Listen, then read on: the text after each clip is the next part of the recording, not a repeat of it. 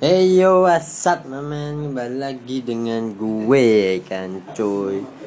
Oke, gue tadi habis bikin ya bikin baca proposal milik bos aneh yang ternyata anggarannya gak main-main anjay.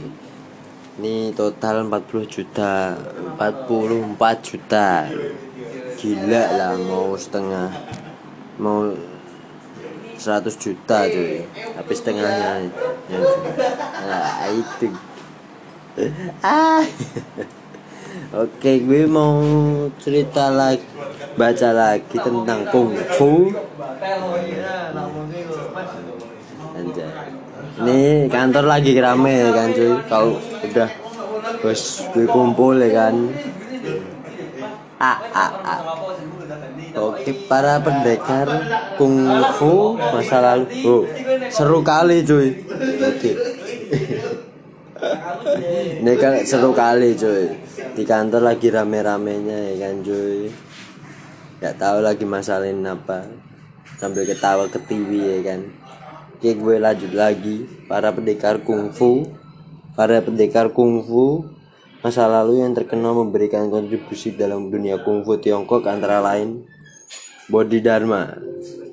Dia adalah pendek, pendeta spiritual Zen Buddha dari India yang bertapa 9 tahun di kuil Shaolin dan pencipta berbagai jenis ilmu gadis legendaris seperti ilmu perubahan urat dan otot Yi Jin Jing Anjir.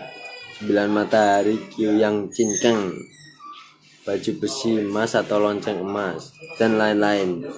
Namun sayangnya beberapa di antara lain dan lain-lain. Namun sayangnya beberapa di antara ilmu tersebut dalamnya terutama pada saat terjadi penghancuran kuil Shaolin pada masa dinasti Qing. Oke lanjut lagi ya kan cuy. Tadi ada tamu ya kan, gue sempat berhenti dulu ya kan cuy.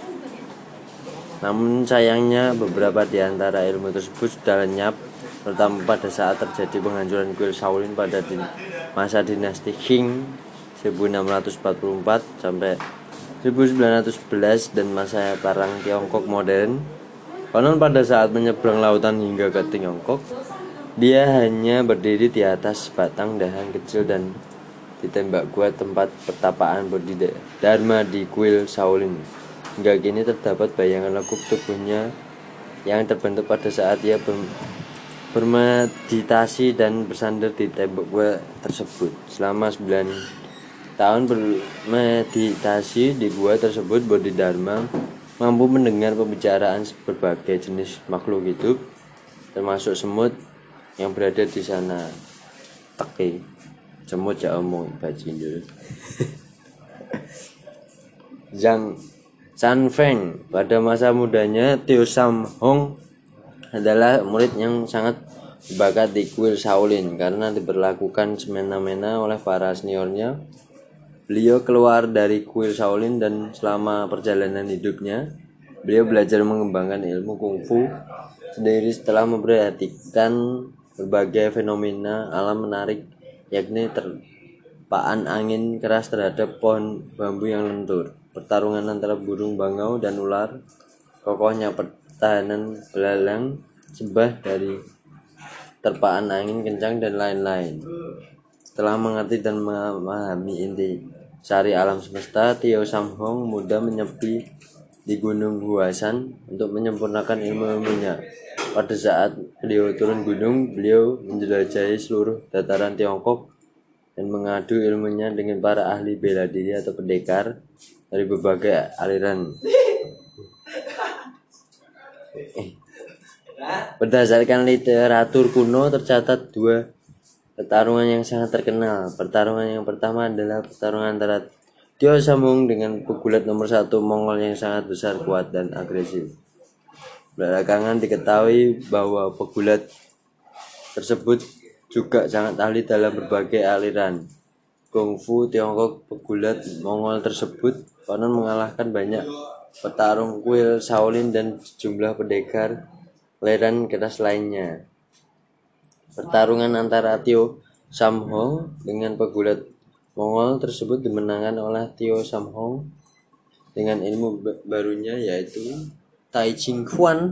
Pertarungan kedua adalah pertarungan Tio Sam Hong yang se seorang diri mengalahkan lebih dari 100 orang gangster di sarang penyamun hanya dengan tangan kosong semenjak itu.